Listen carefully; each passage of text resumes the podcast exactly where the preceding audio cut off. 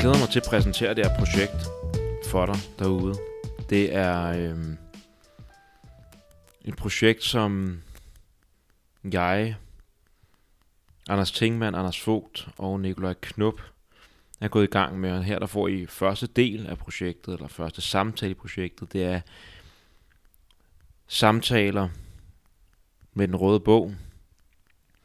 Med Jung og den røde bog. Og den røde bog, det er jo Carl Gustav Jungs beskrivelser af hans rejser ind i den sjælelige virkelighed. Øhm, og det er et fantastisk værk, som vi henover en række samtaler vil dykke ned i. Og det er det så første samtale, og i den her samtale, der dykker vi ikke rigtig ned i selve teksten endnu. Det er en kontekstualisering af den røde bog. Vi kigger på, hvorfor vi er interesseret i den røde bog, hvad den, hvad den gør ved os, hvad den vil os som enkelte mennesker, men også kigger på, hvor, hvorfor at den hvorfor den har noget at fortælle os i samtiden, hvorfor vi mener, at den har noget at fortælle os og lære os i samtiden. Og så kigger vi også på den kontekst, som den røde bog opstod i. Det var en tid før Første verdenskrig, at det begyndte, øh, hvor Jung beskriver sit sjæletab. Vi beskriver lidt, hvor Jung var i sit liv, men også hvad der skete på et mere kollektivt plan. Og det, det skal ligesom være sådan startskuddet til, eller fundamentet, fundamentet til resten af den her samtalerække. Øhm, jeg, jeg kunne egentlig godt tænke mig at sige, at hvis man har lyst til at læse med derhjemme, så er der faktisk en mulighed for det her, og jeg vil rigtig godt, hvis I har spørgsmål øh, til værket, eller til Jung, eller noget, som sendte dem afsted i min retning øh, på de sociale medier. Det er den forbudte skole. Og så kan vi tage dem med. Det kunne være sjovt at gøre det interaktivt i en eller anden grad. Hvis der er nogen af jer, der har noget, I godt vil byde ind med eller spørge om. Det kan også bare være øh, en pointe. Eller noget som øh, et perspektiv, som I får ud af at læse med i den røde bog. Og det er det som sagt kontekstualisering, men hvis man gerne vil læse med, så anden afsnit er optaget, men udkommer først øh, i næste afsnit. Og det er der, hvor vi så går i gang med selve værket. Og der går vi i gang med den røde bog, det som Jung kalder for Liber Primus, hvor vi tager prologen, som, og så de to første kapitler, øh, til og med sjæl og Gud, eller sjælen og Gud. Øh, jeg vil anbefale jer at anskaffe jer bogen øh, og læse med. Det er fantastisk læsning, og hvis man er interesseret i Jung, så tror jeg egentlig også, og det snakker vi også om i dag, at det, eller i det afsnit, at det er faktisk en af de nemmeste steder på en eller anden måde at starte, fordi det ikke er så videnskabeligt. Det er fænomenologisk og imaginært. Det er beskrivelser af Jungs indre rejse, øh, af de billeder, han møder og går i relation til, og den proces, som det afføder. Øh, ja, der er ikke så meget andet at sige. Det, det er en lidt kortere samtale. Øh, jeg har valgt at dele det op, sådan så anden del, øh, selve starten på at dykke ned i værket, den kommer i næste afsnit. Øh, og så vil vi langsomt og omhyggeligt gå igennem værket. Der er så meget, der bliver foldet ud. Og formatet her, øh, det er det her dialogos format, altså hvor det er den levende samtale, og tage samtalen seriøst som nærmest et eget væsen, der opstår imellem os fire. Men ikke kun os fire. Måske i den her samtale, men i, når vi går i gang med den røde bog, så har vi oversat stykker øh, af værket til dansk, så selvfølgelig er det bare vores egen oversættelser, men vi, også, vi har taget højde både for det engelske og det tyske, og prøver at finde et eller andet dansk sprog for det. Og så læser vi simpelthen stykker op af den røde bog. Så det er ligesom at Jung, der byder op til samtale. Sådan kan jeg godt lide at se det. Og så svarer vi ham. For på en eller anden måde at bringe Jung, Jung og Jungs stemme, og de stemmer, som han beskriver i værket, bringe dem ind i dialog med vores samtid, og hvad de har at fortælle os i dag. Fordi jeg tror, at der er noget, som vi ikke helt har taget seriøst nok i det værk her endnu noget, som stadig kan lære os noget, noget, der stadig vil os noget, og noget, som vi måske endda har brug for. Øhm, så en opfordring til at anskaffe den røde bog. og læse mere. Det er som sagt Anders Tingman, Anders Vogt og Nikolaj Knup, øh, der er med. Dem kan man finde inde på deres hjemmesider, og Nikolaj, han er øh, studerende ved Jung Instituttet og psykoterapeut. Ham kan man finde ind på nikolajknup.dk, hvis man har lyst til at øh, kontakte ham og arbejde sammen med ham. Anders Fogt, det er på fogt.dk. Han er den forbudte skoles øh, husalkemist, vil jeg næsten kalde det. Vi har lavet en serie omkring øh, sjælelig alkemi. Og så Anders Tingmann, det er på anderstingmann.dk. Vi har lavet en hulens masse forskellige ting sammen her på podcasten, og jeg synes, at det er noget af et øh, hold, jeg har fået samlet omkring det her projekt. Så gå ind og tjek dem ud, hvis øh, du kunne tænke dig at kontakte mig eventuelt omkring et forløb eller lignende. Den forbudte skole.dk, der kan man gå ind, og så kan man kontakte mig på en e-mail, hvis man har lyst til at komme i kontakt med mig om et øh, sådan terapeutisk coachingforløb, skulle vi måske kalde det. Øh, ellers så kan man gå ind på Den Forbudte Skole på de sociale medier, følg med, del med vennerne, deltag øh, i kommentarfelterne, hvis der er noget, som man har lyst til at udtrykke, så hvis man har lyst til at sende spørgsmål eller lignende.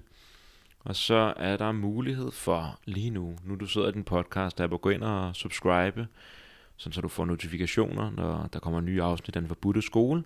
Og hvis du er på iTunes, altså bruger Apple, så øh, gå lige ind og giv en 5 vurdering. Det hjælper sgu, øh, det hjælper på, at den forbudte skole kan komme op i rankingen, sådan så der er flere, der øh, kan finde materialet. Så hvis det er værdifuldt for dig, det der bliver lavet her, så støt gerne op om projektet på den måde. Der er også mulighed for, hvis man virkelig er i øh, det gavmilde humør, så kan man gå ind på patreon.com og øh, skråstrej en forbudte skole og smide en donation. Øh, det hjælper projektet meget, og det vil være fedt at kunne få dækket omkostningerne, som der er omkring at lave sådan en podcast her. Og hvis du bare gerne vil lytte med, så synes jeg, at det er fremragende, og jeg glæder mig til at præsentere dagens samtale, eller den her samtale for jer mellem mig og Nikolaj Knup, Anders Tingmann og Anders Fogt, og Karl Gustav Jung, øhm, hvor vi går i dialog om den røde bog. Men først til en kontekstualisering, som der kommer her. Rigtig god fornøjelse. Altså det er... Jeg, jeg, jeg, jeg bliver lidt uh, småtræt af mig selv en gang, fordi jeg synes, jeg siger de samme ting, hver gang jeg starter en podcast. Mm-hmm. Men her der kan jeg oprigtigt sige, hold kæft, hvor jeg glæder mig. Altså sådan, det her med at for, virkelig at forberede sig og, og gennemgå den her, øh, det her værk. Og sidde virkelig og nørde og, øh, og mærke, hvordan sådan her ugen op til, at vi skulle i gang med den her samtale, at øh, der er sket, altså der har været knald på alle mulige idéer, og øh, det er levende. Øhm, så jeg glæder mig til at se, hvad der sker, når vi bringer det her, der er levende i os, og som er levende i, i den røde bog hos Jung, når vi bringer det sammen. Øhm, fordi min fornemmelse er sådan lidt, at der øh, at det værk virkelig har noget, at det ikke kun var noget for Jung, at det ikke kun var noget for den samtid, men at det også er noget i dag, som vi, jeg ved ikke om vi har lyttet nok til det, om vi virkelig har taget det ind. Så jeg, jeg, jeg, jeg tænker, at vi kan starte her med ligesom at, vi snakker om at kontekstualisere.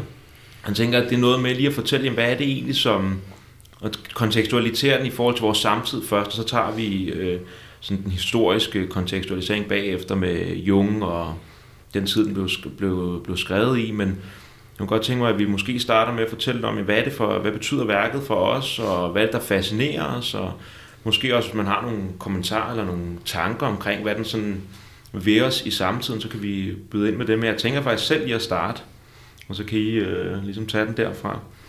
Fordi for mig, der øh, var det egentlig, for mig var det sådan en eller anden øh, lidt småkult tekst, som jeg ikke tænkte, jeg behøvede at kigge på. Indtil jeg havde en oplevelse i en, øh, en meditation, som blev, gik hen og blev sådan en aktiv imagination for, jeg tror faktisk, det vil være præcis et års tid siden. Og jeg sendte det til dig, Anders. Og så var du sådan, at det der det er jo fuldstændig sådan den røde bog, øh, altså billeder, som jeg oplevede, og så var jeg sådan, at okay, hvad fanden er der med den bog der? Den, så begyndte den ligesom at, øh, at gøre et eller andet ved mig, kunne jeg mærke, og jeg så billederne, og så har der været det her med den, øh, da jeg startede med at læse introduktionen, så Øh, jeg tror, jeg havde læst 10 sider på vej ned til Østrig i bag, bag min forældres bil, og jeg satte mig til at meditere, og så lige pludselig så havde jeg sådan en oplevelse, hvor lige pludselig var der en eller anden stemme, der begyndte at tale til mig i sådan et sprog, hvor jeg tænkte, hvorfor, hvad er det for et årstal, du kommer fra, mand? Altså, hvor det havde sådan en, en klang, som jeg, der ikke var min, min klang, øh, hvilket bare fascinerede mig. Øh, og som vi kommer ind i teksten, øh, så tænker jeg, at det giver ret god, ret god mening, at, øh, at det har en, en eller anden ordlyd, end hvad vi måske lige er vant til. Øh, så det er på sådan en personlig plan, og så er det også bare, når man sidder og læser teksten, så er der meget af det som med psykedeliske erfaringer og meditationer og terapi, hvor man tænker, aha, i et ikke akademisk sprog, men et mere sådan poetisk sprog, som føles som meget mere øh, hjemligt øh, på en eller anden måde. Det føles meget mere tættere på tættere på hjem, vil jeg faktisk kalde det. Mm. Øhm, og så på sådan et, et kollektivt plan, det er noget, der har fascineret mig. Øh, det er det her med, at teksten først udkommer i, eller bliver, bliver udgivet i 2009, efter at have været gemt væk. Og der er et eller andet i sådan en Jungs ånd, ikke? det her med, at øh, også den, der bliver snakket meget om dybende stemme, især i starten af, af teksten. Som er det her, der kommer fra dybet, og der er næsten en fornemmelse af, at, at den røde bog også gør det, synes jeg. For den har noget at fortælle os fra dybet. Noget, som jeg ved ikke, om vi har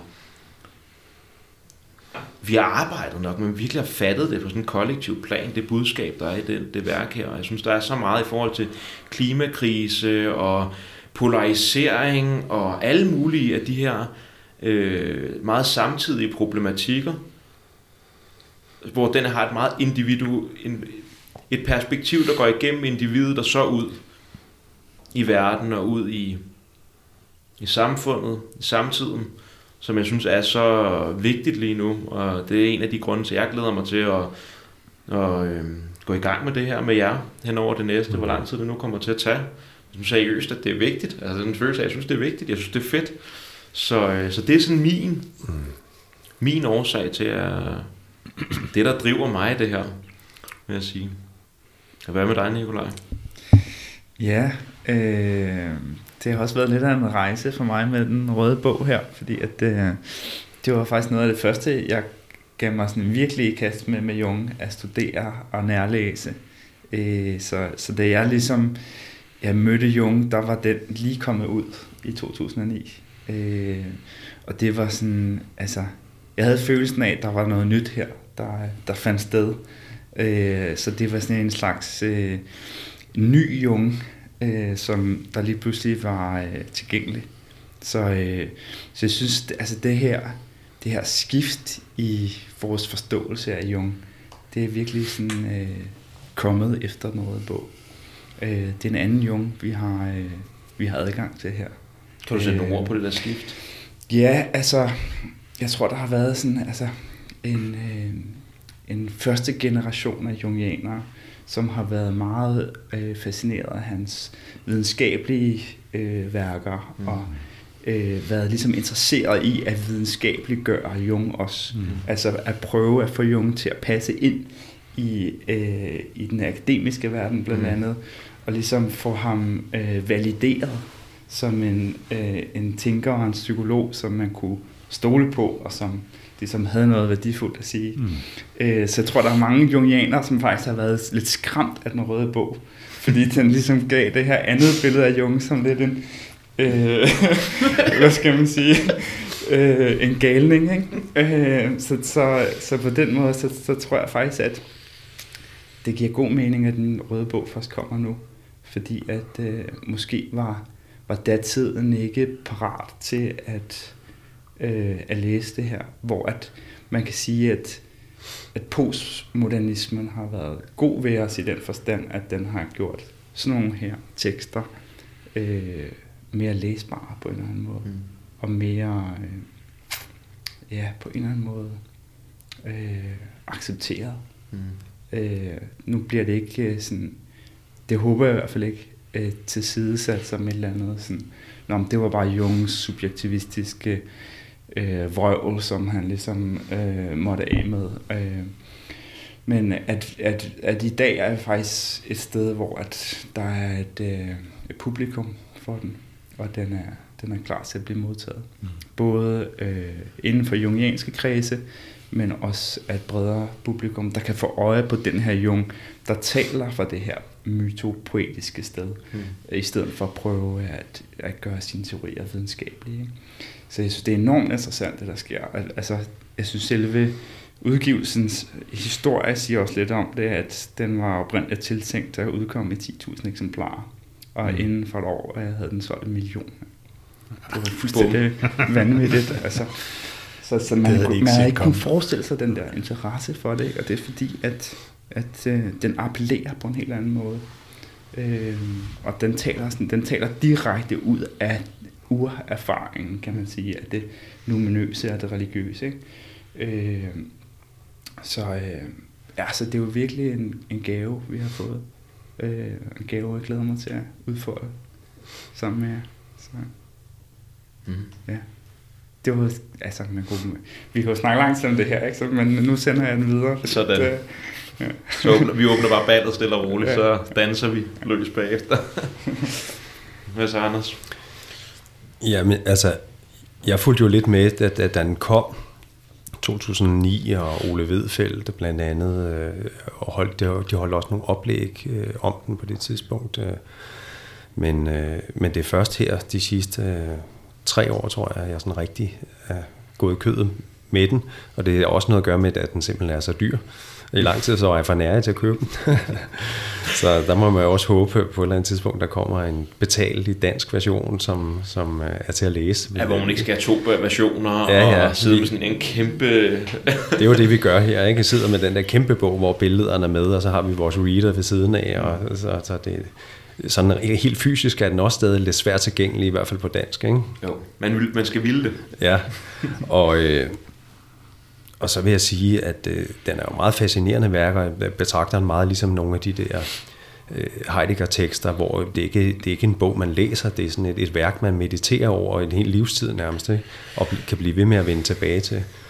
Og så tænker jeg det også meget i forhold til det der, Hillman siger omkring, hvad, hvad skal psykologiens sprog være? Skal vi have et sprog om psyken, eller, øh, eller et sprog, der taler om psyken, eller et sprog, der taler til psyken, mm. til sjælen? Mm. Ikke? Øh, og der er, øh, oplever den jo røde bog meget mere som et værk, der ikke, netop ikke er det der metapsykologiske, nu skal vi forklare det mm. psykiske apparat, dets mekanismer og dynamikker, øh, og lave en model. Øh, men pointen med en rød bog er faktisk øh, netop, som vi også kommer til, at, at det ikke bliver en model af sjælen, men det bliver en dialog. Mm med sjælen og i sjælens sprog. Mm. Ja, og, så det er ikke bare til, men det er også fra. Mm. Ja, fra sjælen, og, og, og i, i, ja, det er også det, Hillman siger, at psyko, øh, hans projekt, som jeg forstår det, er også meget med at have et, et sprog, som, øh, som også er i samklang med, med, med det sprog, der kommer gennem drømmene øh, fra sjælen selv, ikke? frem for at man ligesom prøver at gøre den til en genstand. Og det har været et problem, kan man sige, i moderne psykologi, at man har haft den der øh, mekanistiske, apparatsagtige metapsykologi. Og det er der jo også mange, der har forladt i dag. Så på den måde kan man sige, at Jungs bog er på en måde, som Nikolaj også siger, mere moderne. Fordi der er også mange, der har forladt den der mekanistiske øh, det der mekanistiske sprog. Ikke? Så, så når man læser nogle af Jungs øh, videnskabelige værker, så synes jeg, at de virker mere forældede end den røde bog, selvom der også er noget, der er meget arkaisk ved den røde bog, altså det er ligesom at læse middelaldermanuskript, eller den er, meget mere, den er mere tidsløs. Lige præcis, ikke? ja. ja. Øhm, og det synes jeg er fantastisk, og så har den bare en utrolig poetisk kraft, mm. Øh, som jo også er det, der er pointen i, når man laver bruger drømme i psykoterapi, det er, at man får et sprog sammen med klienten, der har et meget stærkere poetisk kraft, ikke? Øh, og det, det kommer man virkelig i kontakt med. Man kan mærke, at teksten gør noget ved en. Ikke? Man, kommer op, man kommer op og kører, der, det sætter processer i gang og sådan noget. Man sidder ikke bare og, og har et eller andet intellektuel forelæsning om psykologi. Den gør noget ved en. Ikke? Mm. Øh, så det synes jeg er, er meget vildt. Altså. Og så er der jo alle de der billeder, som du også øh, snakker om, Alexander, med. Så jeg har den jo liggende i mit terapilokale, så nogle gange, øh, om det er dig eller nogle andre, der kommer med et eller andet billede, så hiver jeg lige frem, og så viser jeg et eller andet. Det, det, mener, det billede ligner, det du lige har tegnet, ligner faktisk det her billede fra en rød bog. Mm. Nå, vildt nok, og sådan ja. noget. Ikke? Mm.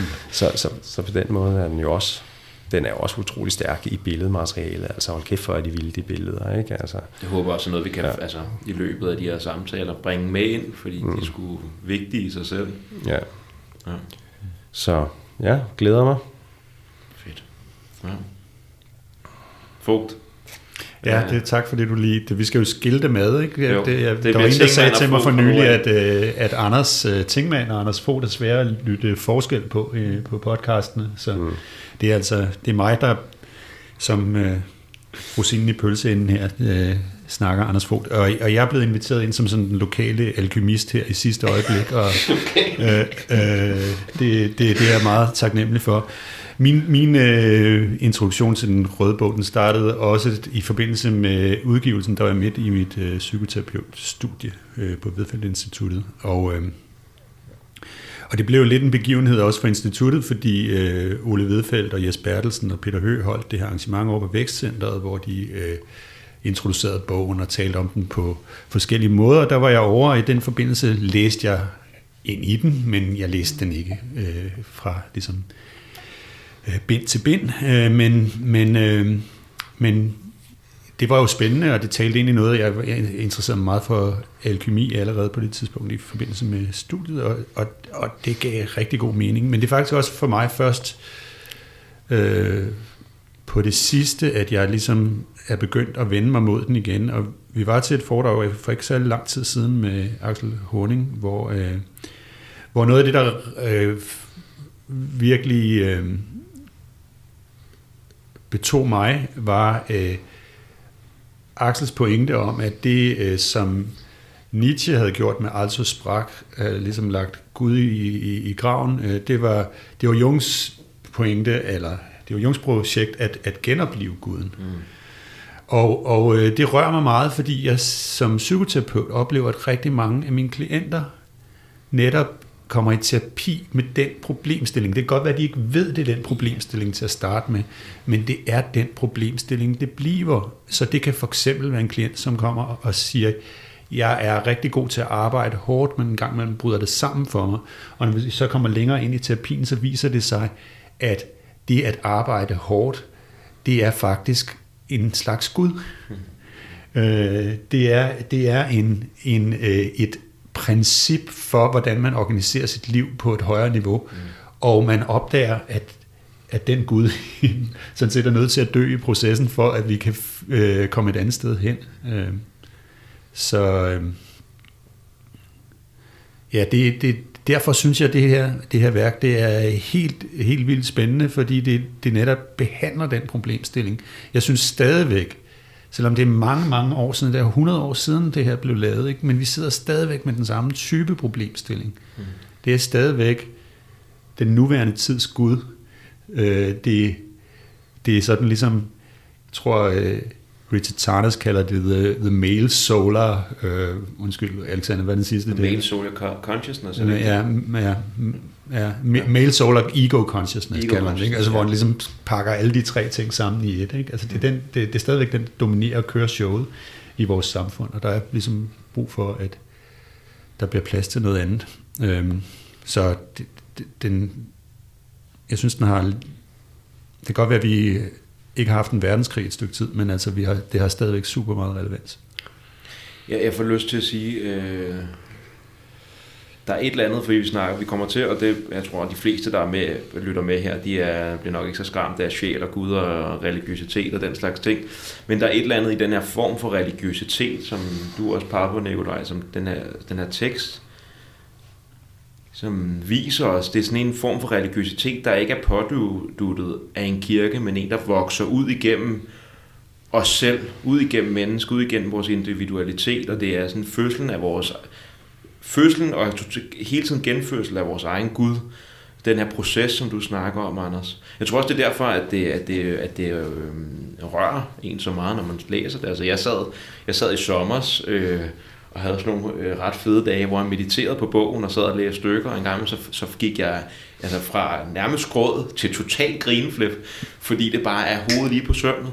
Det er sådan en, det er apropos sjælen, der taler til sjælen. Altså man, man kan virkelig, øh, mm lige der er noget i en, der responderer, hvor man er sådan, hold da op, hvad er det her for noget? Så, øh, jeg, jeg vil lige sige i forbindelse med det, som øh, den anden Anders sagde, at, at, at på podcast og på YouTube og sådan noget, bliver der også snakket rigtig meget om the meaning crisis. Ikke? Ja. Og det er øh, øh, Nietzsches øh, Alto Sparta, Tustra og, og den røde bog opstår jo ud af en meningskrise, som brænder på mm. lige på det tidspunkt, men som vi stadig står i. Ja. Og, og som har fået sådan en, en, en, en renaissance i forhold til, altså der er Jordan Peterson, der er den psykedeliske renaissance, vi ser, og så er der øh, John Vervaeke, som jeg er ret betaget af for tiden, som alle sammen behandler det her meningstab. Ja. Øh, ja. Meningstab og, og hele den der med, hvad er det øh, i, vores, i den generelle tidsånd, som altså som Jung også siger sted, den øh, generelle nuværende tidsånd, som dikterer, hvad vi tænker og hvordan vi handler, mm. hvordan præger den os egentlig, der, den er, er Jung hele tiden en konfrontation med den moderne tidsånd. Mm. Hvad, er, hvad er begrænsningerne? Hvad er øh, udfordringerne, øh, meningstabet ved den. Ikke? Mm. Og, og apropos Nietzsche, helt sikkert, altså den røde bog læser jeg, der er jo rigtig meget, det kommer lige i forlængelse af Nietzsche. Mm. Øh, mange af, af temaerne, mange af begreberne, det er lige og også i, i sproget, kan man sige, minder også om øh, øh således talt Zarathustra i rigtig mange sammenhænge, og det var også det, som øh, Jung jo også havde lidt øh, kvababel sig ved, at den får den der lidt profetiske tone, og, og han ville jo gerne være empirisk videnskabsmand, og, og ikke være sådan en, en, en forkynder eller en profet, ligesom Zarathustra er, der kommer ned for, for fra bjerget og proklamere øh, et eller andet øh, ny tid komme og sådan noget. Men, men, men det er jo lidt det, den tone, der også er rigtig mange steder i bogen. Men, men, øh, men, men her er det så mere dybets ånd, der proklamerer den, mm det, der kommer, mens at Jungs øh, alter ego eller videnskabelig persona er jo også med undervejs, mm. og han får en masse af, som repræsentant for, for samtidens tænkning, og han får en masse tæsk undervejs i forhold til at, at begynde at, re, at revidere hans, øh, hans indstilling og hans idé om, hvad sjælen er for noget. Ikke? Mm. Så det synes jeg også er sjovt undervejs, ikke? Altså fordi at øh, der er hele tiden den der konfrontation mod, mellem et moderne mindset og så ånden fordybet, mm. og, og, og det Jungs øh, alter ego der for, repræsenterer det der, og han får bare en på lampen gang efter gang, ikke? og bliver konfronteret med det der. Ikke? Mm. Øh, så det, jeg synes også, at den er, den er stærk, den er poetisk, men den er faktisk også ret sjov. Ja, ja for ja. ja. Yes. Ja, altså, øh, jeg i forlængelse af det, Anders siger igen, øh, det Jungs Røde Bog tager udgangspunkt i et positivistisk, moderne videnskabssyn og øh, sådan nogle ting, som det er der, han kommer fra, som videnskabsmanden. Og så kommer alt det ubevidste stof op. Mm. Jeg synes, det er også relevant i vores samfund i, den, i dag, i den forstand, at vi har det her split mellem eliten og de andre. Mm. Ikke? Altså det, der kommer til udtryk i splittet mellem det liberale USA og Trump-USA, mm. for eksempel. Ikke? Altså hvor vi har de højt uddannede, dem der ser klart, og så dem, der så i virkeligheden siger, nej, jamen vi har, vi har også ret, og øh, mm. fuck you basically. Mm. Ikke? Altså det er også splittet mellem det øh, dybet og... Ja. Ja, og når man ser altså, den røde bog i sin samtid, hvis vi springer til mm, ikke ja, vores samtid, men til, til hvor bogen rent faktisk blev skrevet lige op til Første Verdenskrig, så var det jo også altså, Tysklands ånd, at Tyskland så sig selv som øh, øh, dem, der havde ånden. Altså, øh, mm. de var, øh, de havde kultur, frem for mm. englænderne og franskmændene, som blot havde civilisation. Mm. Altså den tyske ånd ligesom havde noget dybere, så der var den her grundaristokratiske følelse i Tyskland øh, på, tid, på det her tidspunkt. Ikke?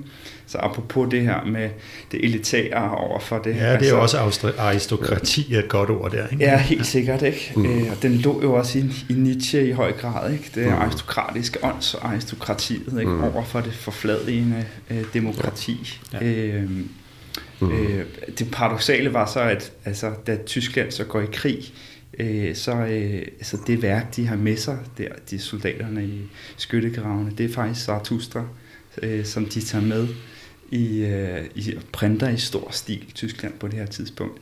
Så Nietzsche og Zarathustra bliver faktisk approprieret, kan man sige, af den tyske her, øh, og Nietzsche bliver gjort til den her øh, krigsfilosof, øh, så øh, det var jo lidt ja, paradoxalt på en eller anden måde, at mm. Nietzsche, der, der i den grad talte ud fra dybets ånd, blev, blev slugt af dybets ånd i virkeligheden. Mm. Han blev approprieret af... Overmenneskeideen.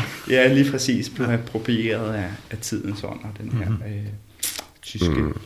øh, ja, idé om, om at være overlegne. Mm. Øh, Ja, eller de, eller de har jo nok haft en idé om, at de, altså en, en dybere forbindelse til, til traditionen, kan man ja. sige også. Ikke? Det, ja. det finder man også hos Heidegger og sådan noget. Ikke? Men, ja. men så gennem hele det 20. århundrede, hele det der modernitetskaos, der, ja. der, der, altså, der er hele den idé, får jo nogen, den bliver, går jo helt i sænk, ikke? Jo. Altså, fordi at det går, som det går med krigene, og, og netop, hvordan det kommer ind der. Ja. Og der er jo også en lang historie med Nietzsche, både Nietzsche, Nietzsche, Jung og Heidegger har jo i visse perioder været politisk ukorrekt at læse, øh, mm. blandt andet i 70'erne, øh, altså, hvor man blev set som altså det blev set som, som protofascistoid, ikke? Ja. Øh, ikke, ikke altså, især øh, for, for folk, der var mere marxistisk orienteret og sådan noget. Ikke? Ja. Og der er sådan i, ja, i 80'erne og sådan noget, begynder det så at komme op igen og sige, ja. men det kan man ikke reducere det til det der politiske, de, det handler om en dybere modernitetsproblematik, som de faktisk Præcis. snakker ind i. Ikke? Præcis. Så, ja.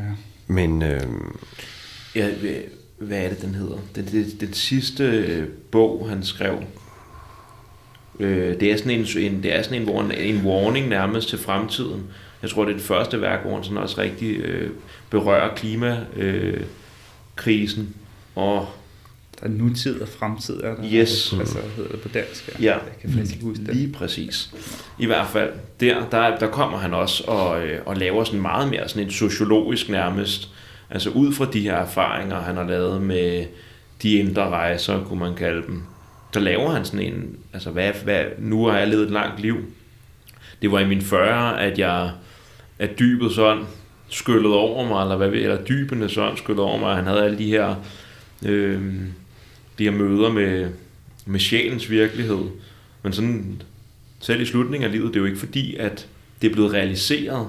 Og han ser stadig, mm. at, øh, at der kommer til, altså, der, der har han sådan et vildt godt billede, hvor at han faktisk beskriver øh, sådan nogle giftige øh, skyer hen over øh, verden, altså hvor det er meget mere naturalistisk øh, standpunkt, hvilket ikke var det tidligere, fordi på det tidspunkt i den samme tid, hvor den røde bog er skrevet, der er det mere et splittet Europa, ja. og det er mere krig og den slags ja. ting, men der er en, der er en, der er en, hmm. skal til at stille træskoene, der begynder den næste problematik at komme frem. Der er nu, ja.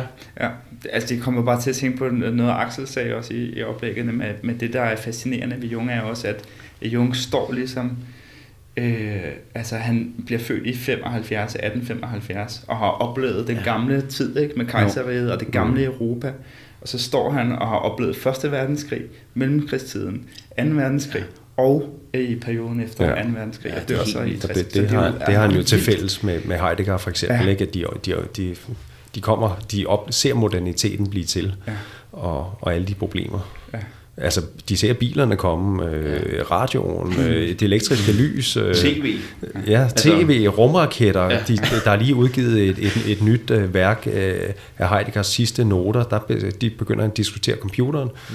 Altså, øh, altså, det er Eller lidt... Jung, der tager sig øh, UFO-fænomener, ikke? Altså, jo. som også er sådan en ja. lidt nyere, øh, ja. mm, nye fænomen. Og, og, og, som det også bliver sagt i den røde bog omkring Første Verdenskrig, der siger Jung jo, at de, de, de, det er mennesker, der i galskab øh, ud, udagerer øh, en problematik, der i virkeligheden er, hører til i sjælen eller i dybet, men det, det bliver ligesom øh, manifesteret i det ydre, ikke? Altså sådan ser han det, ikke? Altså, og sådan, det er jo nok også både Heidegger og Nietzsches ting, at der er en, mm. en, en dyb splittelse i, i den kollektive mentalitet, eller en dyb konflikt, som så også manifesterer sig i krige, i ideologier, i totalitære øh, tankesystemer, eller stalinisme, eller mm. nazisme, mm. som bliver sådan nye pseudo-religioner, eller, eller, eller, eller øh, teknikken som den nye religion. Det gør kommunismen jo også. Øh, tilbeder øh, teknikken og fremskridtet, øh, de tekniske videnskaber og fremskridtet som, som en ny Gud,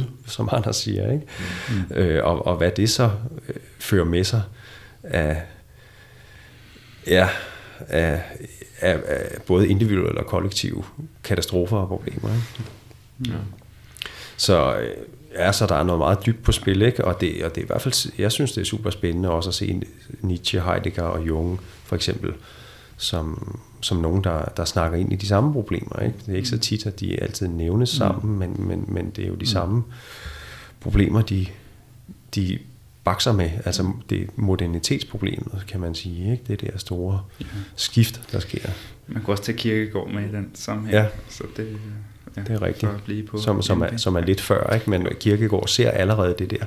Ja. Og Kirkegård ser blandt andet også det der med, de, de positive videnskaber eller empiriske videnskaber, der begynder at gå ind og fortælle mennesket, hvad mennesket er. Yes. Altså netop den moderne psykologi, som vil gøre mennesket til en videnskabelig genstand, og herunder sjælen til en videnskabelig mm. genstand. Yes. Og, øh, og det er det, som øh, der også står i introduktionen, der er ham her, Sono Samdashani, som, som er ham, der er oversat og skriver introduktionen, som vi skal snakke lidt om.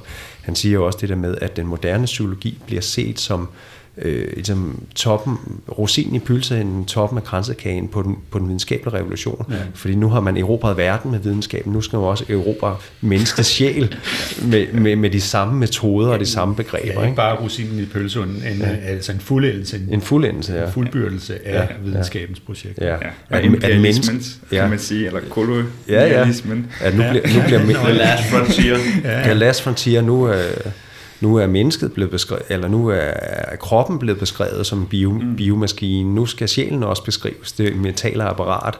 Og, ja, ja der, der vil jeg så sige, der, der befinder vi os ja. jo stadigvæk. Jo. Ikke? Fordi vi er stadigvæk der, hvor man har en forestilling om, at jamen, lige om lidt, så kan vi, så kan vi lave den, mm. den perfekte kunstige intelligens, som faktisk mm. på en måde er et menneske i en maskine, så vi har ligesom reproduceret alt det mm. her. Ikke?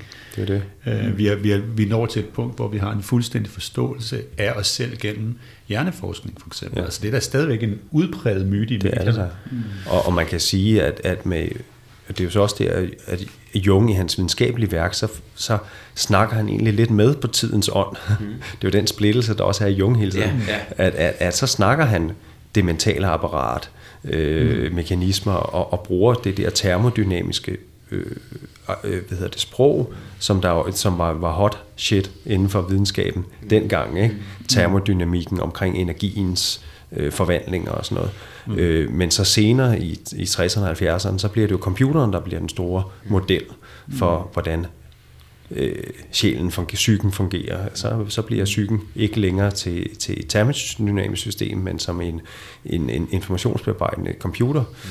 Men det er jo stadigvæk en, en, en, en hvad kan man sige, en maskine metaforik øh, og stadigvæk... Ja, men det gør jo heller ikke nødvendigvis noget. Altså, det var jo også alkemisternes mm. øh, måde at gå til det på. Der, var, der var det, handlede det bare om mm. kolber og ja. kar og øh, ja. bål af forskellige slags. Jo. Pointen er, at det skal forblive en metafor. Ikke? Hvis, det, hvis det er blot en, hvis det, det er en metafor, så er det fint. Men ja. hvis det bliver konkretiseret ud i en... I en, øh, i en ja, altså hvis det bliver sådan en konkretisme, så er ja. det et problem. Ikke? Jo. Mm. Jeg tror også, det er vigtigt at forstå, hvor Jung kommer fra der. Mm. Ikke? Altså, han arbejder på det her Byrkhøtsli, mm. øh, hosp- altså, hvad hedder det, hospital, mental hospital, øh, og arbejder der i, ja, i over 10 år, tror jeg. Øh, som på det her tidspunkt er sådan det, det førende sted i Europa inden for øh, behandling af, af skizofreni eller øh, prækoks dementia, som det hed dengang. Øh, så han er jo ligesom sådan, altså han kommer fuldstændig indsvøbet mm. i, mhm. i tidens øh, ja. sprog. Ikke? Den, øh, den medicinske psykologi, som det hed dengang. Ikke? Ja, Klinisk præcis. psykiatri eller psykologi, vil man sige i dag måske. Præcis. præcis. Så det er et kæmpe skift ja. i hans liv, ja. når han så opdager, mm. gud, wow, okay, Øh, ja. jeg, jeg, jeg, jeg, han tror til at starte med, at han selv er ved at blive skizofren. Det er det. Øh, så det skræmmer ham jo enormt meget, det gør han så støder på det her materiale, fordi at han har gået op og ned af de her skizofrene patienter i 10 ja. år, så det uh, shit, er jeg selv ved at øh, blive skizofren, ikke? Øh, og så er det så, at, at første verdenskrig udbryder. Det kan vi måske... Til, han, til næsten hans store glæde, ikke? Eller sådan, fuck, jeg er ikke skizofren. ja, ja, det, det kan vi måske gå ind i nu, det ja, ved jeg ikke. Ja, altså, øh, det tænker, jeg tænker ja. faktisk bare lige en ting, som jeg, jeg synes, der er vigtigt. Det er, der er også et eller andet i, at hvis han nu bare, var, hvis han nu bare havde kørt det sprog her, derudad, mm. havde vi så haft en Jung, som vi har snakket om på den måde, som vi gør i dag. Altså er det ikke også en måde at, sådan at, at gøre det spiseligt? Altså det er jo, han har jo ligesom, mm. jeg føler lidt, at det han har gjort i sit det forfatterskab, der er fuldt efter den røde bog. Nu er det ikke, fordi jeg har læst det hele overhovedet, men, men der er et eller andet i at, at gøre det spiseligt for en øh, naturvidenskabelig, positivistisk indstillet i en eller anden grad øh, verden, øh, hvor at der er et eller andet over, at så kommer postmodernismen, og nu har vi den røde bog. Og nu kan man ligesom begynde at, stikke, mm. altså, at, at smage på det. Jo, og så er der nogle komparative studier i psykologi og øh, religion og øh, kulturfænomener og alt muligt, som ligger i hans arbejde, som er nødvendige for, at vi overhovedet kan have de her samtaler i dag. Ja, ikke? Altså ja, med et fundament for alt det, vi taler om. Mm. Mm. Og så øh, kan man sige, apropos øh, det, det postmoderne, det, i det, der ligger det postmoderne, er måske også, at man også begynder, netop som Anders siger, at se hele øh, apparatsmodellen, også som en form for metaforik. Mm, mm. Mens man tidligere har netop måske taget mere bogstaveligt, så kommer det der skifte sådan en, som Hillman begynder også at se de forskellige teorier som forskellige metaforiske mm.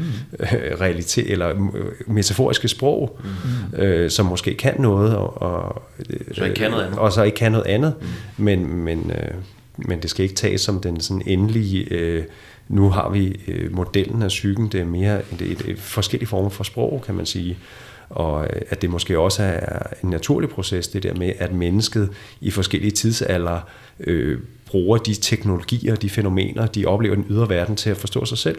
Ligesådan som øh, de indiske og græske øh, psykologier er fyldt med, med sådan nogle hjul, mm. som altså de der hestevognshjul, eller, eller forskellige øh, spil, de har haft, eller måden, de har lavet. Ja, dyr. Ja, men det ligger jo helt basalt ja. i sproget, som vi også har snakket om på øh, Alexanders podcast i forskellige sammenhæng. Altså det at gribe og det at begribe, det, det, mm. det er det fysiske greb, og det er det øh, ja. mentale tankemæssige greb. Det er, det. Der, det er, vi skal bruge en fysisk metafor for at kunne sætte ord på det her, der foregår inde i psyken. Det er det. Ja. Og så, øhm, nu tænker jeg lidt, mm. at noget, der kunne være komme lidt tættere på, mm. hvor, hvor den røde bog opstår, sådan i forhold ja. med Jung, og noget af det, som jeg synes, der er så... Øh, noget, som jeg, jeg også rigtig godt kunne lide, var Axel Honings oplæg, og det skal nok, der kommer links ind i, øh, så folk de har gået ind og lytte til det, for det var øh, rigtig brugbart, synes jeg, og så Axel han er jo bare for fed. Øh, så det er godt, men der er et eller andet i det her med forståelsen af, at Jung bare var sådan en øh, nærmest en øh, elev af Freud, og sådan mm. stod i Freuds skygge, og sådan noget, du øh, kommer ind på det, øh, Nikolaj, der med, at nej, nej, altså han var en, øh, han var etableret og anerkendt, ja. og var altså fuldt ud øh, stod på egen ben og havde, var, var sig selv, og var mere kollega, var øh, Honings pointe også med Freud, en elev af Freud. Så selvfølgelig havde de påvirket det hinanden, og, ligesom, men kollegialt mere end en eller anden lærermester. Men, men så kommer der den her, lige pludselig så begynder han at, at have de her møder med, ja, med dybet, med det ubevidste. Mm. Og sker der det her split, men jeg, jeg ved ikke, er der nogen af jer, der kan gribe den, hvor, hvor er Jung henne? Ja. Hvad er det, der sker? Altså, Øh, jeg tror også, det er vigtigt i den her sammenhæng også lige nævne det værk, han får skrevet kort inden den røde bog, som mm. der hedder på dansk uh, Symbols of Transformation. Forvandling, forvandlingssymboler hedder det, mm. ja. Øh, øh, som er et, altså en lang analyse af en kvinde, der, var, øh, der blev skizofren. Øh, og Jung simpelthen går ind og analyserer hendes drømme og hendes visioner, ud fra det her kæmpe mytologiske materiale. Så Jung er, mm. er virkelig sådan øh, steeped i det her, altså mm. i de her øh, mytologiske værker. Han sidder og læser om oldtiden, han sidder mm. og læser om Ægypten, han sidder og læser om ja, mytologi, verdens mytologi simpelthen. Mm. Øh, så, så når man kigger lidt på hans bibliotek på det her tidspunkt, der, der, altså, der udkommer mm. videnskabelige øh, værker om verdens mytologi på det her tidspunkt blandt andet en, der hedder Fraser og The Golden Bow, som han er meget inspireret af. Så sådan, det hele ligger ligesom lidt i kortene.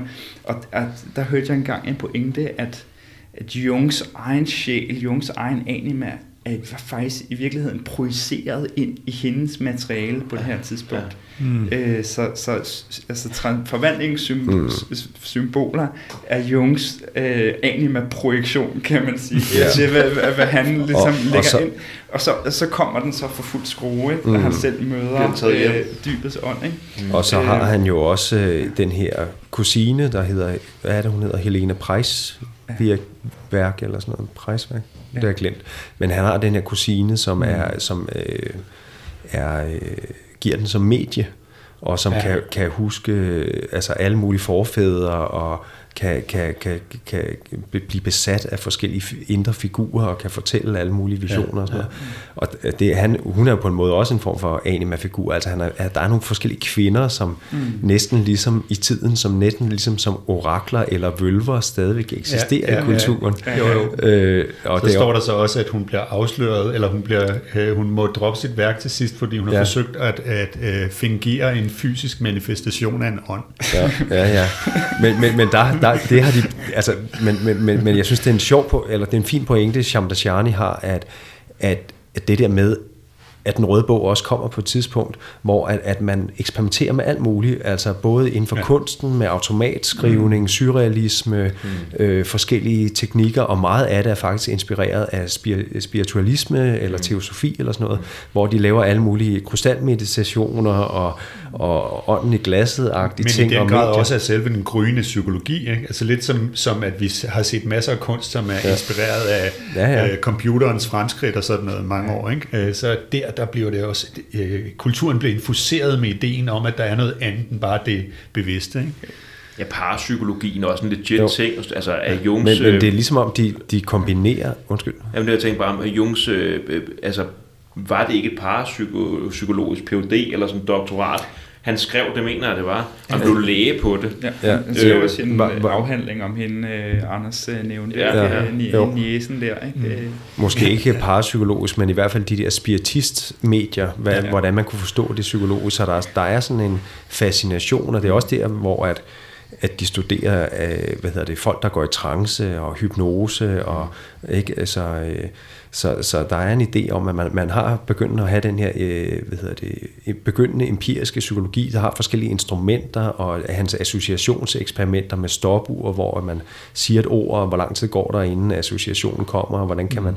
Alle de der metoder bliver kombineret med nogle af de der metoder til at sætte folk i trance og, og, og, øh, og, og tungetal og sådan noget, som der findes i det, i, i det sådan, spiritistiske miljø. Mm. Øh, og det, det er jo nok derfor, han laver den der. Ikke? Han, han er fascineret af de der medier, ja. de der orakler, de der ja. vølver, og lige pludselig så bliver han nærmest, ja. så bliver han selv, øh, selv grebet, så bliver han selv grebet. Ja. Ikke?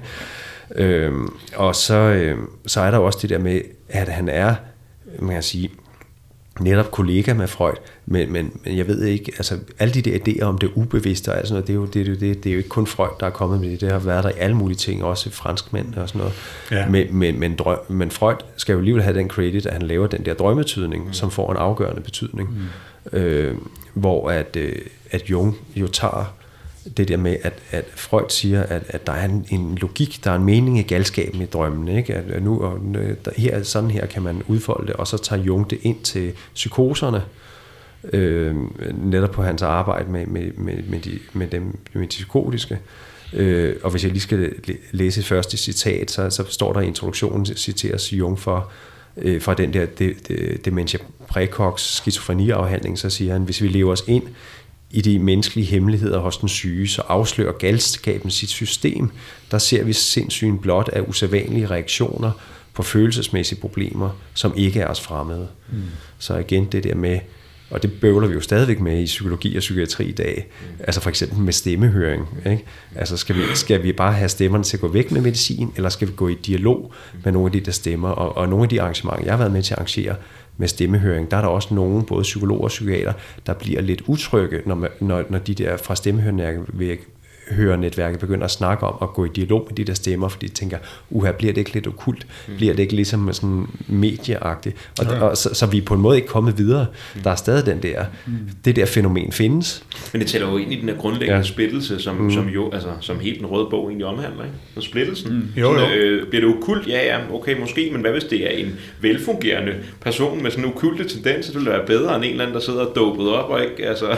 det, det er altså meget indbygget i, i vores i vores kultur, i, også i en grad, hvor det er faktisk ikke så sjældent, at jeg har øh, folk, der starter i terapi, eller overvejer at starte i terapi, som spørger mig, om det kan være farligt at arbejde med sin drømme. Mm. Ja. Altså, det, det, det, så der er sådan en formodning om, at begynder man at dable med det der ubevidste, mm. så øh, kan det godt være, at man, altså man snakker med dæmoner, men det kan man også sige, øh, når vi ja. går dybere ind i den røde bog, det, det gør det. man måske også. Ikke? Og, og det er jo også en af Hillmans ja. pointer omkring, ja. at en del af tidsånden er også en form for monoteistisk idé om, ja. hvem ja. vi er, men at vi faktisk er alle sammen et lille society of mind. Ja. Vi har alle sammen vores delpersonligheder, vi har alle sammen vores indre dialoger.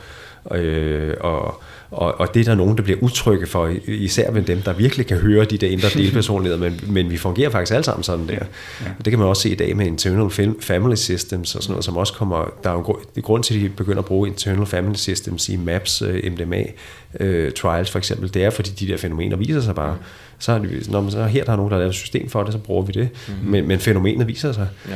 Og apropos samtiden og sådan noget, det er jo også, nu har vi snakket så meget psykedelisk terapi på, øh, en forbudt skole, det er jo også en del af samtiden, der gør det her relevant, fordi at, øh, at for det første synes jeg, at det er en gave med den nye psykedeliske forskning til Jung, fordi nogle af de fænomener, netop med delpersonligheder eller visionære tilstande, lige pludselig har man et forskningsparadigme, hvor man kan få nogle af de der ting frem, yes. frem for at det bliver sådan meget lukket ting, som, som nogle særlige specialister i dybde psykologiske forløb kan, kan erfare. Nu kan, det, nu kan man lave research på det, ikke?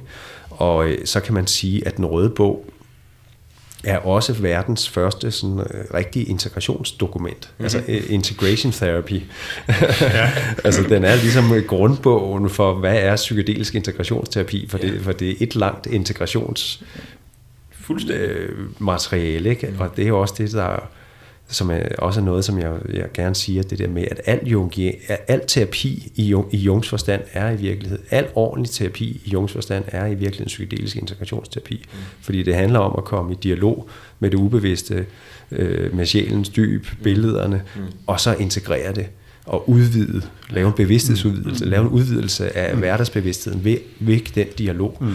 Øh, Jung han var så imod psykedelisk terapi, fordi han mente, det var ligesom at, at sætte en dynamit i dæmningen og få alt for meget materiale mm. til at komme igennem, mm. men han forfægtede jo ikke det grundlæggende princip. Mm. Han, han sagde bare, at det er meget bedre at bruge drømme og aktiv mekanisation, for så går man ligesom til brønden med sin lille spand lidt ad gangen. Mm. Det er meget bedre, så kan man bedre integrere det nu kommer psykedelisk terapi, så måske havde Jung ret, måske er, kan man nogle gange sætte nogle lidt for voldsomme processer i gang, men, men grundfænomenet eller grunddynamikken i det, øh, får man så ligesom, der kom får man syn for sagen. Ikke? Ja. Nikolaj?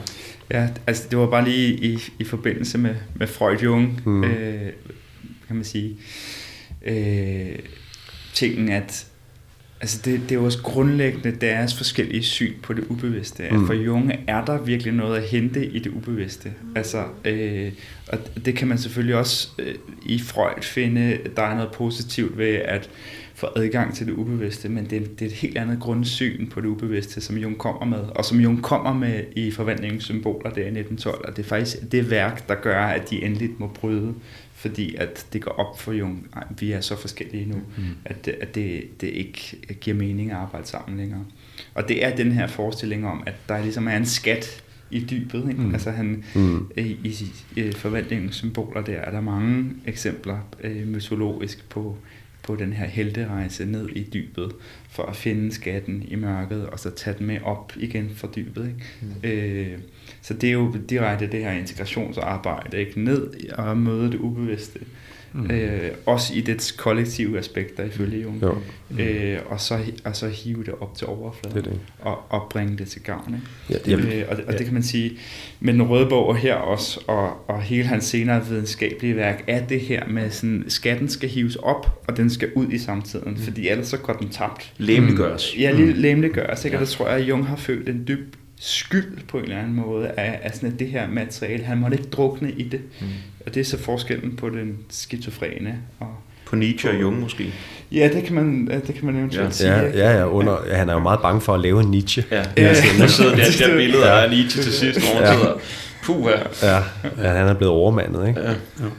Jeg vil lige læse, fordi lige til det, du siger, Nikolaj, at i, i introduktionen siges det faktisk meget fint, at, øh, at der siger, at det jungiansk øh, terapi, der, der, der går det ud på, øh, Shamdashani skriver, øh, individuationens opgave ligger i at etablere en dialog med de imaginære figurer eller indhold i det kollektive ubevidste og integrere dem i bevidstheden. Derved genopdages værdien af den mytopoetiske imagination, som har været tabt i den moderne æra, og ånden af denne tid bringes i forhold til ånden fordybet. Lige Ja. Det er meget godt, øh, at det er grundlogikken i den jungianske terapi, og det er også det, der er, egentlig er grundtemaet i den røde bog. Ikke? Men, men der, der, der er så et andet citat, vi har lige her også, Ja. ja. som er også spændende at gå Mhm. ind i, fordi med, på det Nikolaj siger med brud med Freud, så er der også et brud med Jung i Jung selv, ikke? fordi... Øh, Kunne så, vi lige, inden vi tager ja. den der, fordi nu har vi sagt mytopoetisk et par gange. Ah, okay. Ja. Ja. Og jeg tænker, hvis vi lige kan få, øh, få nogle ord på, hvad er det mytopoetiske? Hvad, hvad, hvad, hvad er mytopoetisk? Vi, Altså, øh, det, det er, kommer i tanke om Hedmans citat, altså, the psyche is mythopoetic. Ja. The, the foundation of the mind is mythopoetic. ja. Så, så altså, Sjælens virkelighed er mytopoetisk. Ja, så når man ja. ligesom kommer i kontakt med sjælen, så den måde sjælen udtrykker sig på, eller ytrer sig på, det er. Ja. i Ja. ja. som Ja. er mytiske, og som ja. øh, er poetiske, som ja. er Ja. altså poetiske også i den forstand, at poesis, at det er noget, der Ja. er skabende, Ja. Ja. noget, Poetic basic, basic Lige basis of mind er, er sætningen. Ikke? Ja. Jo. Ja. Og, og myto kan jo både betyde myte, men også bare fortælling. Ja. Så det er fortællinger og poetiske billeder, der har poetisk kraft. Ikke? Og det er jo det, der man også skal se, når man arbejder med drømme. Det er det, der er sjovt ved at være psykolog eller psykoterapeut, der arbejder med drømme. Det er, at sproget får en meget mere poetisk kraft. Mm. Øh, man kan mærke, at der er saft og kraft i sproget. Ja. Øh, I det, man inviterer drømmenes billeder ind, fordi de har sådan, øh, de er sådan stærke metaforer. Ja. Og, og de gør noget ved det, ligesom at det, det tran, transfigurerer også sådan hverdagen og det der almindelige liv, der bliver levet. For der er en eller anden fornemmelse af, at man, man, man skaber sin egen fortælling. Altså der er en eller anden rigtig for, Ja, og, og, følelse af at skabe sin egen fortælling lige pludselig, når man begynder at komme i kontakt med den der mytopoetiske. Eller at være skabt af en fortælling. Ja, ja, måske. netop. Ja, Ja, lige, lige, ja, lige, ja. præcis, lige præcis, ikke? fordi det er også pointen, at det er ikke bare en fortælling, det er ikke bare poesi, det er i virkeligheden også de indre guder, der vækkes, øh, der vækkes og kommer ind i verden, bliver mm. synlige i verden, det som skaber os, mm. Det som øh, er større end, end, øh, end os selv. Mm. Også noget, et tema, der kommer op igen og igen i den Ja. ja. bog. I, I introduktionen så, så bliver der også sagt, at, øh, at, at Jung han er netop helt øh, sådan, han er bare han læser myter og, og mytologi hele tiden, ikke? og han ja. siger, at han, han lever med de der figurer, som om det var hans patienter. Han går og analyserer de der figurer fra den græske mytologi, som om Ja. de var hans patienter. Kentaurer i- Kentaurer i, i terapi, terapi. og prøver at forstå, hvad det handler om. Og så bliver han bevidst om med konfrontationen med, med hele det der mytologiske øh, verdensbillede, som grækerne for eksempel har haft, øh, at, at han selv er et myteløst menneske, Ja. og han bliver nødt til at genopdage sin egen myte, for at kunne være en god øh, terapeut. Øh, eller hvis han ikke kender sin egen indre myte, øh, så har han ikke nogen selvindsigt, tænker han. Og det er også det, som man kan sige, øh, hans erindringsbog, drømmeerindringer, tanker, er det ikke den hedder? Mm. Da han siger, at det her det er min myte. Og, Ja. og, han har Ja. nogle forskellige citater og siger, at hvis, øh, hvis man ikke kender sin egen øh, myte, så lever den en. Ikke? Eller, øh, Ja, og det var der, hvor jeg, jeg ville have det der citat ind med brudet med... Yes. Hvad, Ja, er det, jeg har nemlig også et Okay, citat godt. lige på Okay. det, og det er ultra vi lige den der først, så kommer vi tilbage ja, på sporet her. Det er. Det er et brev, som han skriver til sin ven, hvor han, hvor han skriver, Our age is seeking a new spring of life.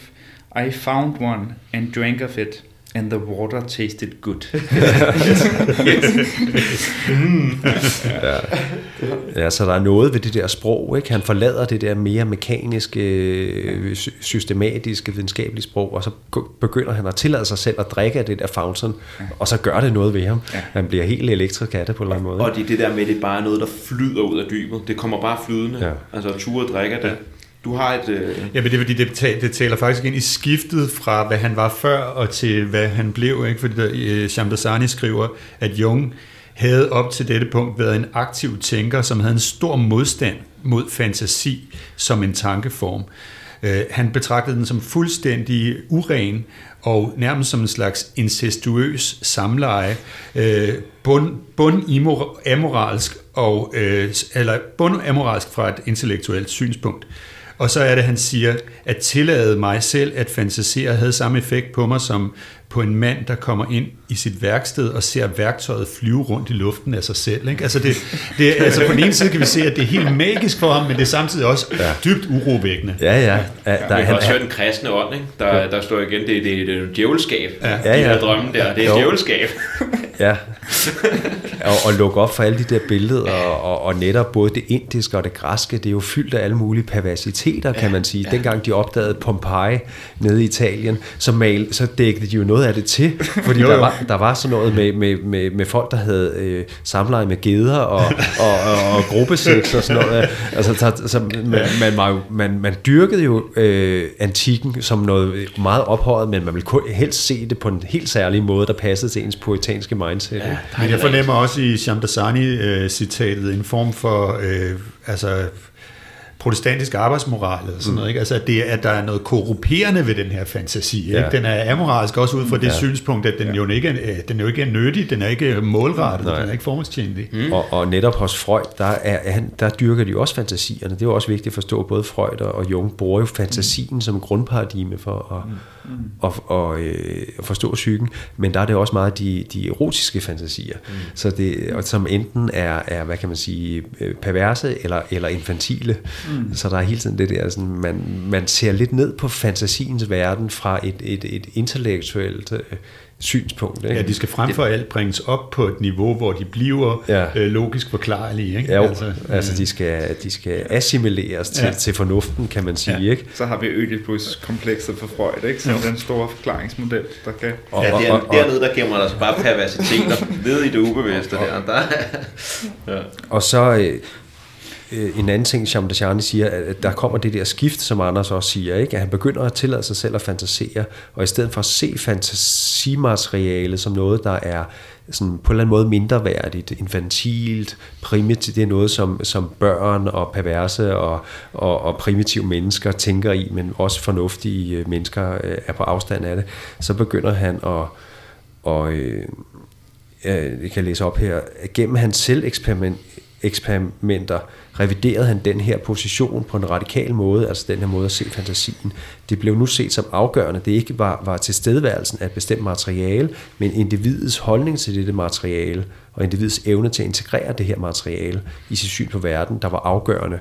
Altså om fantasien var udtryk for galskab, mm. eller, eller var en kreativ indre proces. Altså apropos det, du også sagde, Nikolaj, med øh, den skizofrene, der drukner i det samme vand, som mystikeren svømmer i. Altså, mm. Og netop der bliver selve det vi i dag kalder integrationen, mm. øh, bliver nøglen til at sige, det bliver jaret, det, altså det forholdet mellem jaret og det ubevidste. Hvis der er et sundt forhold mellem jaret og det ubevidste, mm. så er det ikke galskab. Mm. Øh, men det har handler om at evnen til at kunne integrere ja. eller, eller være i den der dialog, uden at, blive, øh, uden at den bliver lukket ned, for så er man neurotisk og afkoblet fra sin egen sjæl, men heller ikke at blive overmandet, mm. så man øh, begynder at tage sjælens billeder for, for netop som bogstaveligt, som du også siger, Anders, og, og begynder at tro på alle fantasierne. Ikke? Mm. Ja. Og en ting er at tro på det, men en anden ting er at identificere sig med det, som er den helt store fare. Ikke? Altså, og det kan man måske tale om der, hvor Nietzsche gik galt i byen, var, at han kom til at identificere sig for meget med Zarathustra og med overmennesket. Mm. Hvor Jung hele tiden er på vagt for ikke at lade sig selv inflatere, som man, ja, som man siger. Ikke? Altså ikke at, at tage det ind og som ej, det er mig, der er mm. dybets ånd, eller sådan, oh, jeg har alle de her kræfter, eller sådan, men han hele tiden bevarer sit det. centrum i sig selv, og, og sørger ja. for at adskille sit jeg fra ja. det, det ubevidste materiale. Ja, der har en fantastisk evne til at lade symbolerne leve i ja. deres eget liv, ja. og forholde sig til dem, ikke? gå i dialog med dem uden, uden netop at identificere sig. Og, og, og han bøvler med alle de samme problemer, som vi øh, bøvler med i dag med, med psykedelisk integrationsterapi, ja, yes. med, med inflation og med, ja. hvordan skal det tolkes, og hvor bogstaveligt skal det tages. Altså, det, det er de præcis samme grundproblemer, han bøvler med i den røde bog. Ja, ikke? ja og så det der nyttestrategi, der også kan være en, øh, altså, øh, jeg ved ikke, hvordan man siger det på den rigtige måde, men altså det, at man går til for eksempel det psykedeliske arbejde, også som bare noget, der skal opnå nogle resultater, ikke? Mm. Oh, ja. hvor man, hvor hvor man måske mister respekten for det numinøse aspekt i det. Ja, ja så, så det er et grundtema hos ham. Hvordan går vi i dialog med det ubevidste ja. på en måde, hvor det udvikler os, ja. og vi ikke øh, kører sporet. Det er sådan hele tiden det, han prøver i den røde bog. Ikke? Der er på mange måder, der synes jeg, at det er måske også den vinkel, jeg er kommet ind til den røde bog, men der er et eller andet, som gør, at Jung bliver meget, meget relevant lige nu i vores samtid, og det er ved det der det psykedeliske. Ja. Altså, der er et eller andet her, hvor at, at hvis vi, hvis, altså Freuds forståelsesramme, den er sgu bare lige snæver nok ja. til at, at, at, håndtere det materiale, som man ser. Jo, men Alexander, måske også mere grundlæggende meningskrisen. Jeg ved ikke, hvad du tænker om det. Altså, det, det fordi måske sy- er det psykedeliske, måske kommer det i virkeligheden også som Ja. et svar på meningskrisen. 100 procent. Ja. Det, jeg tror, meningskrisen, og det er også noget af det, der fascinerer mig, og mere og mere er blevet noget, der fascinerer mig, som en, altså, det, som jeg egentlig føler, at den her podcast handler om, det startede som min egen meningskrise, måske, og en måde at prøve at svare på den, ja. men nu handler det måske lidt mere om bare at, at få, få tag på forskellige, forskellige perspektiver ind i den her meningskrise, som, som er sådan øh, på en eller anden måde metaproblemet, føler jeg i vores mm. samtid, som taler ind i, hvorfor vi har så meget depression. Øh, vi, vi har en psykiatri øh, kriti, kriti, kritik podcast med Jonas Vindike, som nok er ude, når den her kommer mm. ud.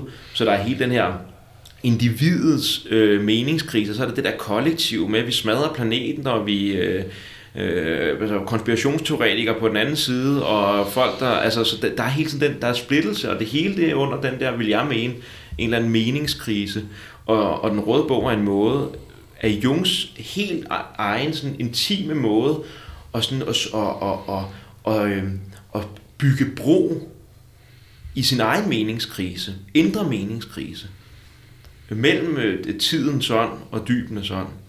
Øhm, og derfor synes jeg, at den er så vigtig. Og, så, og hvis jeg må tilføje noget, altså ud over meningskrise og det psykedeliske, så er der også hele det der med, hvad er det der, vi kalder personlig udvikling, eller du, du bævler også lidt med det begreb på podcasten, mm. mit, mit selvudviklingsprojekt, mm. min personlige udvikling, min spiritualitet. Mm. Altså hvad for et begreb skal vi bruge, fordi det er jo netop det, at man har tabt, kan man sige. Ikke? Altså i antikens Grækenland, der, der, der hvis man skulle lave det der visdomsprojekt, så var det jo filosofien, man gik mm. til. I den kristne æra, så var det, gik, kunne man gå i kloster og, og, og have en spirituel praksis der. Men, men der er også noget af det der med, at Jung transformerer også psykoterapien fra at være en behandling af psykiske sygdomme til at være en spirituel praksis. Ja, transformationsprojekt. En som, ja, jeg vil lige læse her øh, fra indledningen, der, der, der bliver sagt, i stedet for blot at beskæftige sig med behandling af psykopatologi, så blev det, altså øh, det, det er Jean Dechani om, hvad, hvad Jungs øh, psykoterapi bliver til, altså transformationen af ideen om, hvad psykoterapi er. I stedet for blot at beskæftige sig med behandling af psykopatologi, så blev det en praksis, som muliggør højere udvikling i den enkelte gennem facilitering af individuationsprocessen. Det her fik vidtrækkende, vidtrækkende følger, ikke blot for analytisk psykologi, men for psykoterapi i det hele taget. Så man kan sige, udover at den røde bog er, er the grounding document for, for integ- psykedelisk integrationsterapi, så alt det, vi kalder personlig udvikling, øh, human potential movement, mm. øh, spiritualitet, øh, alt det der, øh, alt det der, det starter på en måde også med en rød bog, mm. øh, fordi at, at, at han på en måde øh, gør, psyko, i stedet for at psykoterapi er noget, som man bruger i den medici- medicinske psykologi til at behandle syge, så bliver det et, et, et, et netop en spirituel praksis eller et, et, et personligt udviklingsprojekt. Mm. Han genfinder egentlig noget, der er gået tabt, ikke? Jo, jo, altså, han, han, han, han prøver bare ja. at finde et moderne sprog for, Yes, hvad er yes. en spirituel praksis for det moderne menneske. Mm. Og, og i dag kalder vi det stadigvæk personlig udvikling, eller, hvad, eller jeg vil lige sige det, at på den der psykedelisk konference, psykedelisk danse og sådan noget, der kom jeg også i dialog med, med nogle af lægerne, fordi de, de, de sagde flere gange som helt selvfølgelige ting, at, at når vi er jo interesseret i psykedelisk terapi for at lave behandling af syge mennesker, ikke i det der personlige udvikling. Mm. Og så kom vi ind i en, en dialog omkring, er det en, men, er det en meningsfuld øh, måde at dele det op på? Fordi folk, der er rigtig udfordret, har de ikke brug for at udvikle sig. Øh, men, det, der er men, men, men, den, men den splittelse er der også stadigvæk. Mm. Er psykoterapi en behandling af en sygdom, eller er det en, en, en, en, en, en individuation, en personlig modning? Og der siger Jung jo netop, at mange af de problemer i terapi, som vi overvinder, dem overvinder vi ikke ved at løse problemet eller behandle problemet, men med at udvikle en mere moden bevidsthed, som kan rumme det problem. Mm. Altså at, at man, man, man, man man, man løser problemet ved at få en, en, en, en mere sofistikeret, mere rummende mm. øh, bevidsthed. Ikke? Mm. Så, så hele det der, vi har i dag med, med personlig udvikling, er jo også noget, som man øh, ligesom øh, mm. er pioner på i den røde bog her. Ikke? Helt sikkert. Mm. Ja, altså, og jeg synes egentlig, du kommer tæt på det og snakker om mm. det også, Anders, men, men, øh, men øh, selvudviklingsprojektet ja. og meningskriseproblematikken ja. hænger jo også sammen fra starten af hos, hos Jung, fordi han ja. har hele den her bekymring for øh, starten på Første Verdenskrig, og hvordan den øh, er et udtryk for et, et ubevidst materiale, der ikke er integreret. Og, og det bliver jo ved også hos Hillman, som siger det her med, at altså, vi, skal, vi skal have en psykoterapi øh, og en måde at arbejde øh, med os selv på, som også tager fat på samfundsproblemerne, fordi ellers er det som om, at man sidder og laver terapi med folk nede i en kahyt på Titanic, der er på vej mod et isbjerg. Ikke? Jo. Øh, så... Øh, det er rigtigt. Ja. I forhold til det her med... Ja, du... Må jeg lige... Ja, en, øh, en sidste bemærkning i den sammenhæng. Altså, øh, ja, med selvudviklingsbegrebet, fordi det Jung laver, man kan godt kalde det selv, selvudvikling her, men, men man skal have selv med det store S ja. med også. Altså, fordi at, det, at det han gør er ikke for sin egen personlige udvikling, men, men har det her dybe kollektive aspekt i sig.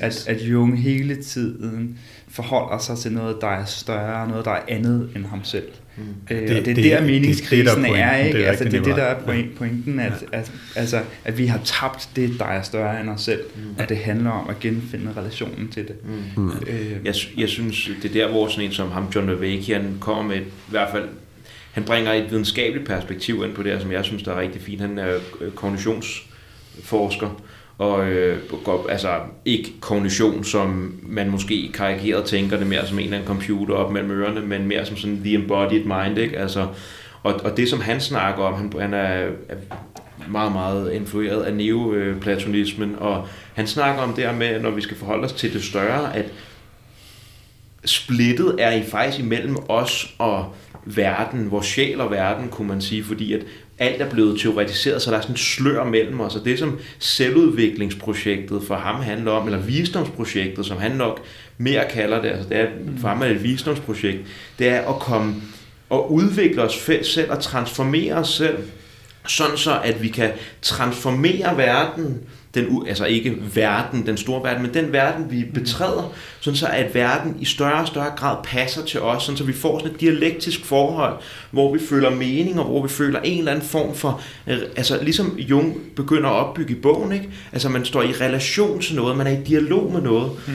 sådan så det ikke er et eller andet øh, sådan et chok, men at man faktisk føler, at man er en del af sådan en naturlig sådan dialektik, med noget, der er større end en selv, og man deltager Mm. Øhm, og jeg synes faktisk, at der er noget rigtig fint over det, men det virker også hurtigt inflateret, men det der, jeg synes, det der visdomsbegreb, det er noget, vi har glemt. Og det er faktisk det, det, der indeholder rigtig meget, altså at bruge filia sofia i stedet for at kalde det for selvudvikling, for selvudvikling, det er også hurtigt sådan noget mm. ja. kapitalistisk, ikke? At nu skal jeg, øh, øh, hvordan kan vi hurtigt få øh, 100.000 nye følgere på Instagram?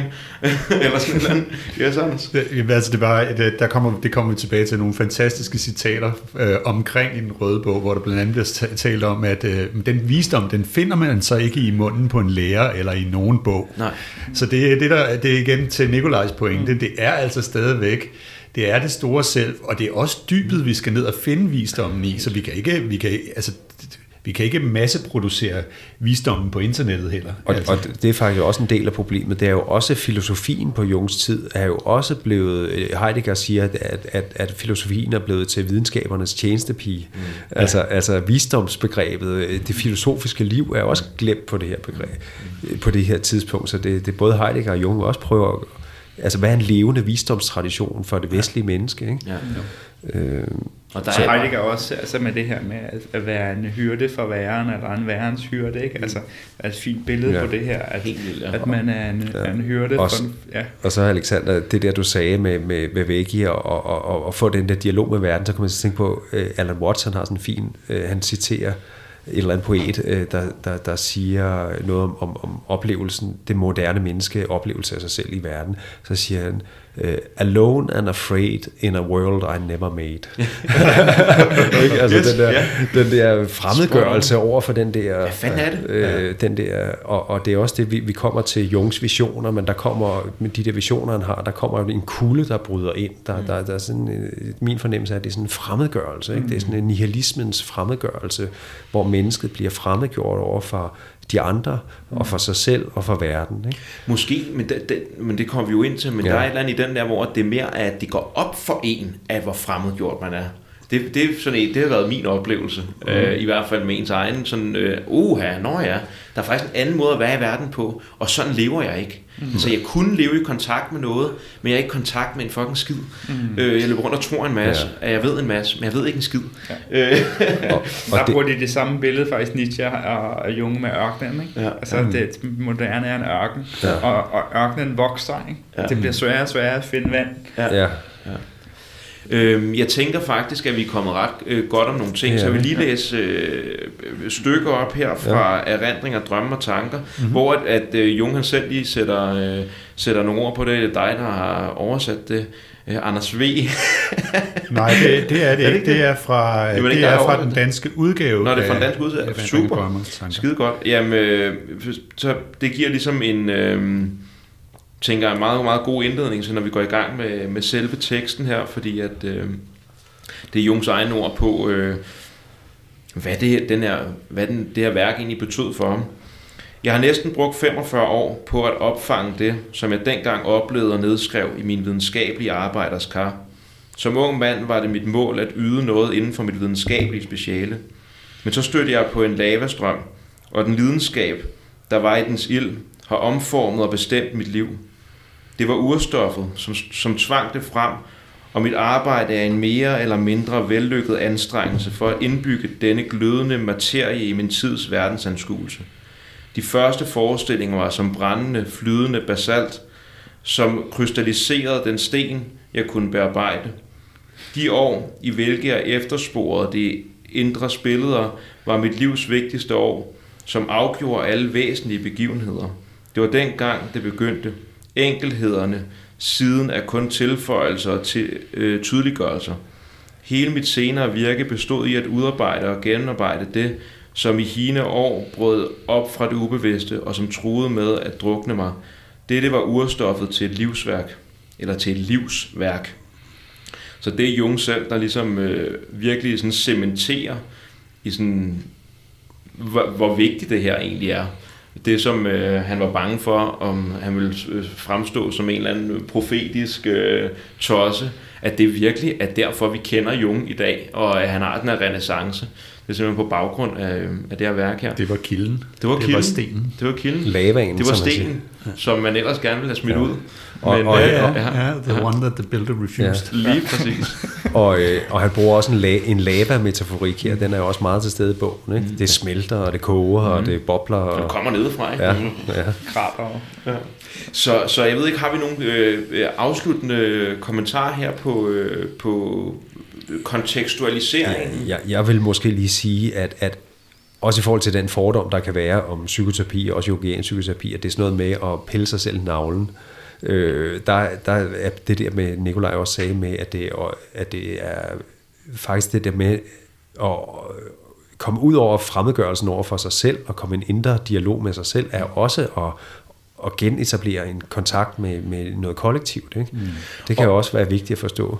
Mm. Og, og så vil jeg også lige nævne, at i forhold til det, der sker på det psykedeliske område, så hele den øh, egentlig filosofi, der driver Rick Doblin og Maps og Stan Groff, det er egentlig også inspireret af Jungs sene værker, ja. hvor han siger, at øh, den her teknologiske øh, civilisation, den, den, den er, vi risikerer, den går i helvede til, hvis menneskene ikke øh, modnes psykologisk set. Mm. Og, øh, og, og, og det var så det, Jung øh, slog på trummen for med sine metoder, og det har de så øh, det er så deres utopi eller, øh, eller vision, at, at det psykedeliske på en eller anden måde kan være med til at og, og, og netop at, at genvække en visdomstradition eller en spirituel praksis eller, eller en mere en større psykologisk modenhed i det vestlige menneske, sådan så det, den teknologiske civilisation ikke øh, ja, kører, kører helt øh, af pommeren til. Ikke? Så det er både et individuelt, men også et kollektivt projekt, kan man sige. En lille kort ting til det, fordi jeg synes, det, det der med pelse i navn, for det jeg selv kaldt det meget, det jeg har lavet de seneste øh, fem år, fordi at det ligesom, der taler, der taler tidens øh, stemme nok igennem mig, ja. øh, mm. som den kommer til en gang imellem, hvor min egen fordom, de, det, jeg, jeg selv lige, øh, hvor de stadig flyder ud igennem mig.